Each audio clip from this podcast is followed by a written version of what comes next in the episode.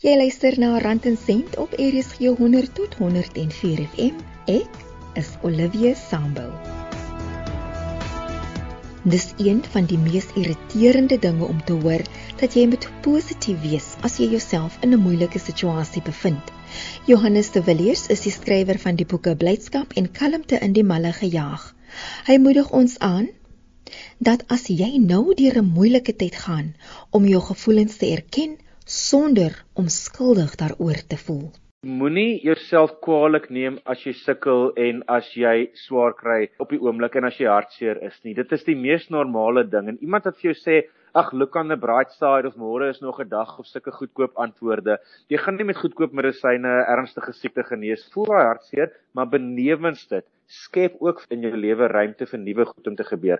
Ryk uit na ander mense, van in daai uitreik na ander mense, gaan hulle jou help om nuwe geleenthede raak te sien, persoonlik, professioneel, hoe ook al.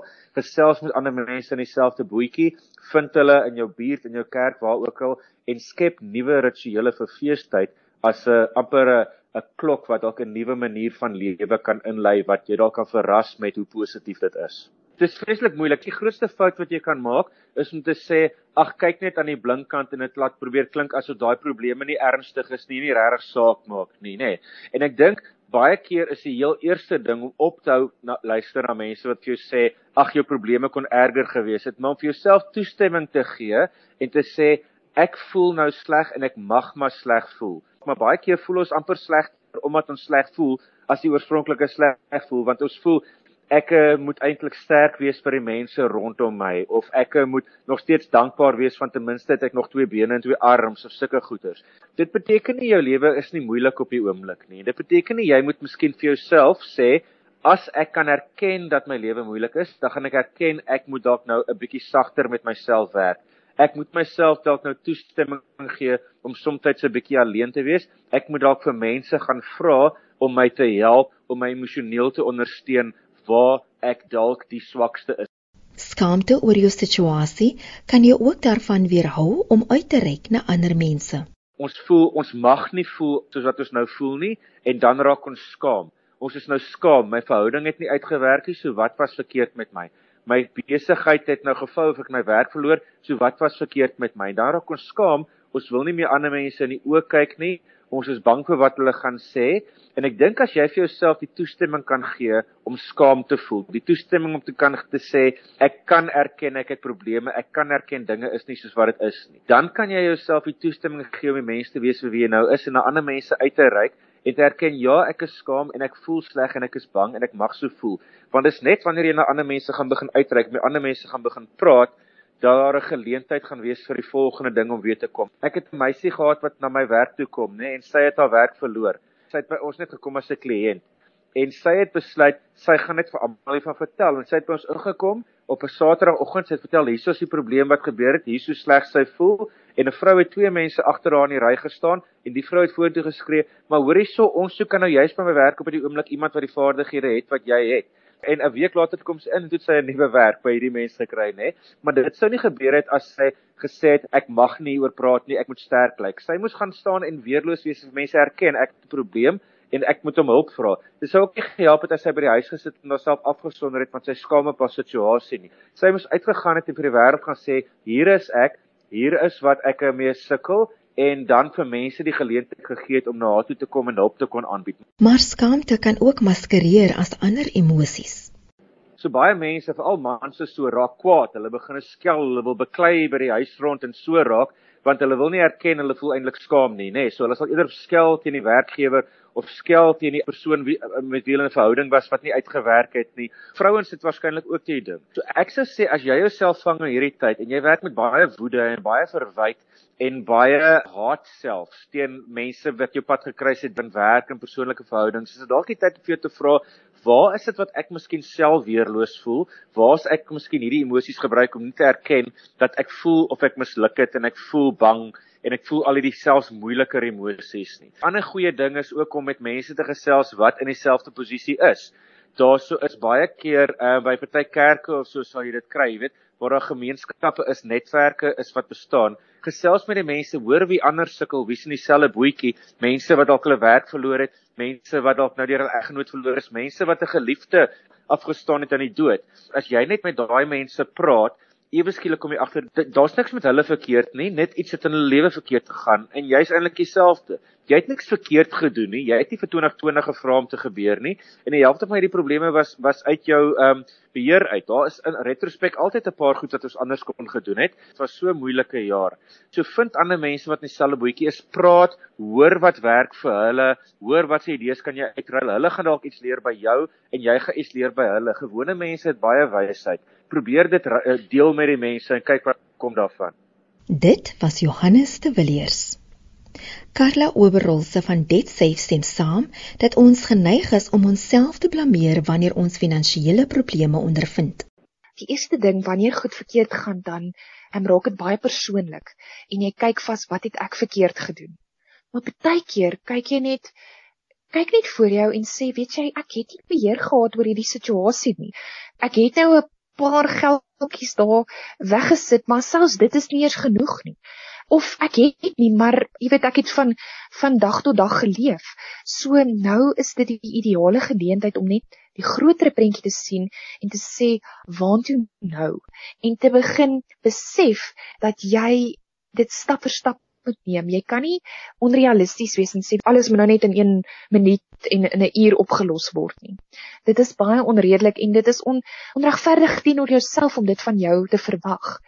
Jy moet jouself opbou om sterk te staan en jou kop reg te kry. Jy vat dit tree vir tree. Hierdie is die eerste stap wat ek doen om uit hierdie gemors uit te kom.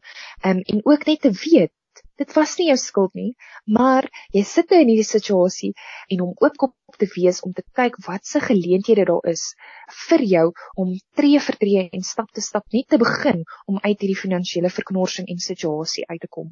So ek dink dit begin eers met daai emosionele impak. Kyk na jouself en weet wat kon jy dalk beter gedoen het, maar moenie te hard wees op jouself nie. Probeer so ver as moontlik daardie stresvlakke en stressore uit jou uit te kry. En oopkop te begin begin dink en te sê weet jy ek sit nou in sak en as maar ek moet nou uit hierdie emosie uitkom. Ek moet my bes te gee om tree vir tree die beste besluite te neem tot 'n uh, toekomstige gerusstellendheid wat jy het. Jy's uit skuld uit of jy's uit hierdie situasie uit. Jy het hierdie skuld klaar betaal of jy wat ook al jou situasie is uit kan kom. Dit was Karla Oberholse van DebtSafe. Kredietlewensversekering is daar gestel om jou skuld te dek wanneer jy dit nie meer kan betaal nie weens aflegging of wanneer jy tot sterwe kom. Ek is Olivia Sambo, dis Rand en Sent, RSG 100 tot 104 FM. Baie welkom by die program.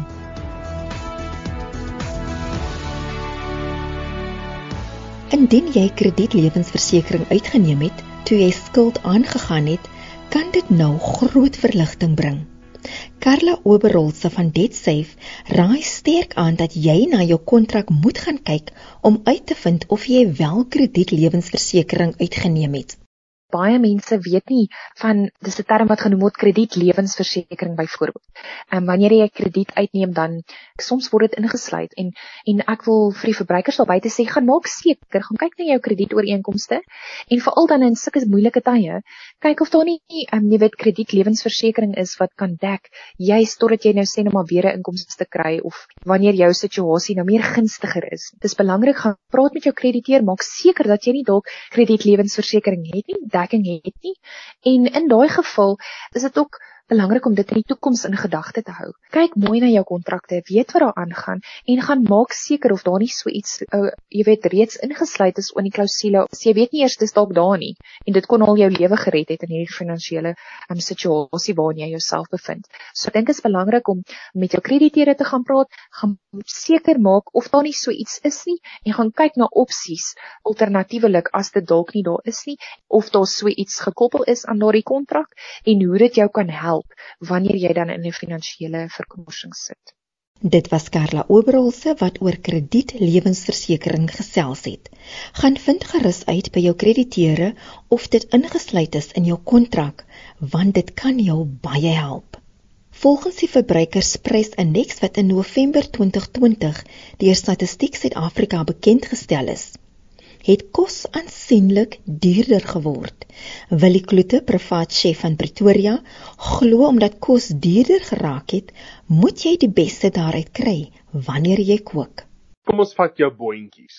Boontjies het 'n baie unieke spesifieke smaak, veral 'n lekker vars groen boontjie. En jy wil nie daai uniekheid van daai groen boontjie bederf met allerlei souse of te veel suiker of te veel sout of te veel peper nie. Dis soos wortels. Ek is mal vir wortels, maar wat doeteenvoudig net in soutwater opgekook is. Dis my gunsteling wortel eh, gereg is net wortels opgekook in soutwater en as dit uitkom en is nog warm, 'n eh, klontjie botter op en jy die beste wortels wat daar op aarde is. Maar jy weet, dan sal jy nou mense kry wat 'n lemoensous maak en oor daai wortels gooi. Dan dink ek altyd so by myself, nee, maar jy weet, ek proe nou net lemoensous en ek wil eintlik wortels proe. Ek mis daai lekker, daai anyserige smaak van die wortels. En dan nou is ek in die middel van die winter gegooi met 'n lemoensmaakie oor, jy weet, oor my oor my wortels. So nee, weet jy wat nee, hou dit eenvoudig en hou dit gesond. Dit is my ander ding, jy weet. Ons hoef nie alles in botter of in room gaar te maak of in olyfolie nie. Baie groentes soos ertjies, wortels, boontjies is lekker vinnig gestoom of net geposeer in uh, ligte soutwater vir 2 minute haal uit en dreineer en sit voor met 'n stukkie botter op. Uh, as jy nie wil botter op sit nie, hoef jy nie. Jy weet net 'n bietjie peper dalk. En dit is die lekkerste groente wat daar is op hierdie uh, aarde vir my. So hou dit eenvoudig. Moenie te fancy begin raak nie. Los die fancyheid vir die restaurant. Hulle is die ouens wat erg moet fancy kook. En elke bord markeer slegs 1 ster. Kom ons sê jy het 'n lekker stuk beesfilet op jou bord en jy het nou 'n baie lekker pepersous saam met hom gemaak, 'n lekker romerige pepersous en jy het goeie gebakte aardappeltjies. Dan is jou ster op die bord is daai filet en die gebakte aardappels. Jou groente en jou ander bykosse kan baie eenvoudig wees en hulle moenie kompeteer met die ster op die bord nie dit is die fout wat baie mense maak. Hulle vergeet dat daar een ding is wat die sterre is op die bord en dan wil hulle nog sterre bysit deur te fancy te gaan met die ander kosse en te veel goeders te probeer doen. Ek sê nee. Jy het een ster op jou bord gewoonlik jou proteïen of as jy 'n fantastiese aardappel ou gratin gemaak het, laat dit die ster wees en laat die res van die goeders eenvoudig wees en laat dit meer net ondersteunend is en nie kompeteer vir die aandag ook nie. Dis my geheim. Vleis het ook genoeg van sy eie sap om geurig en smaaklik te wees as jy dit voorberei op die regte manier. Baie jare terug eintlik het iemand ons een Sondag genooi vir ete en dis toe wildsvleis. Hy het hierdie stuk rooibok skouer het hy as 'n geskenk by iemand gekry. En hy het hierdie rooibok vir ons gaar gemaak, maar doeksag. Dood eenvoudig net in water en daar was 'n paar laurierblare in en ek dink daar was 'n takkie roosmaryn daarin gewees en ek dink hy het 'n paar naaltjies ingesit. Geen sout nie en swartpeper, maar korrels, nie fyn swartpeper nie, swartpeperkorrels. Op daai blad het hy in die oond gebak in daai speserye. En toe dit nou uitkom was dit doeksag, dit het van die bene afgeval. Hy het dit so getrek, jy weet, laat dit so van die bene afval. Ding en ek tog maar hierdie vleis gaan so vars wees want hy het geen um, sout bygevoeg nie. Olivia, ek was so verstom geweest om daai vleis te proe hoe souterig dit is. Want ons vergeet baie keer dat goed soos kruie, roosmaryn, timie, soet basiliekruid, het hulle eie uh, soutte in wat hulle afskei en vleis ook die dier self se vleis het soutte in wat hulle afskei gedurende die kookproses. Dit was die lekkerste lekkerste stuk wildsvleis wat ek in my lewe nog geëet het. En dit was so eenvoudig gaar gemaak. Dit's so baie keer soos ons heel aan die begin gesê het, hou dit eenvoudig. Moenie te fancy probeer gaan nie. Moenie te veel rome en ander ander, ander goeders probeer bygooi en dan op die einde van die dag kry jy iets wat eintlik nie lekker is nie. Dit was Willie Kloete wat gepraat het oor hoe eenvoudige kos die lekkerste proe. Ons is aan die begin van 'n nuwe jaar. Een ding wat COVID-19 aan ons getoon het, is dat ons blootgestel is aan soveel onsekerheid waar dinge in 'n oogwink kan verander. Maar dit het ons ook geleer om elke oomblik met dankbaarheid te leef. Finansieel en emosioneel was verlede jaar uitmergelend. Maar ons is hier om die nuwe jaar binne te gaan en weer te hoop en te glo en weer van voor af te begin. Ek is Olivia Sambo. Voorspoedige nuwe jaar aan almal.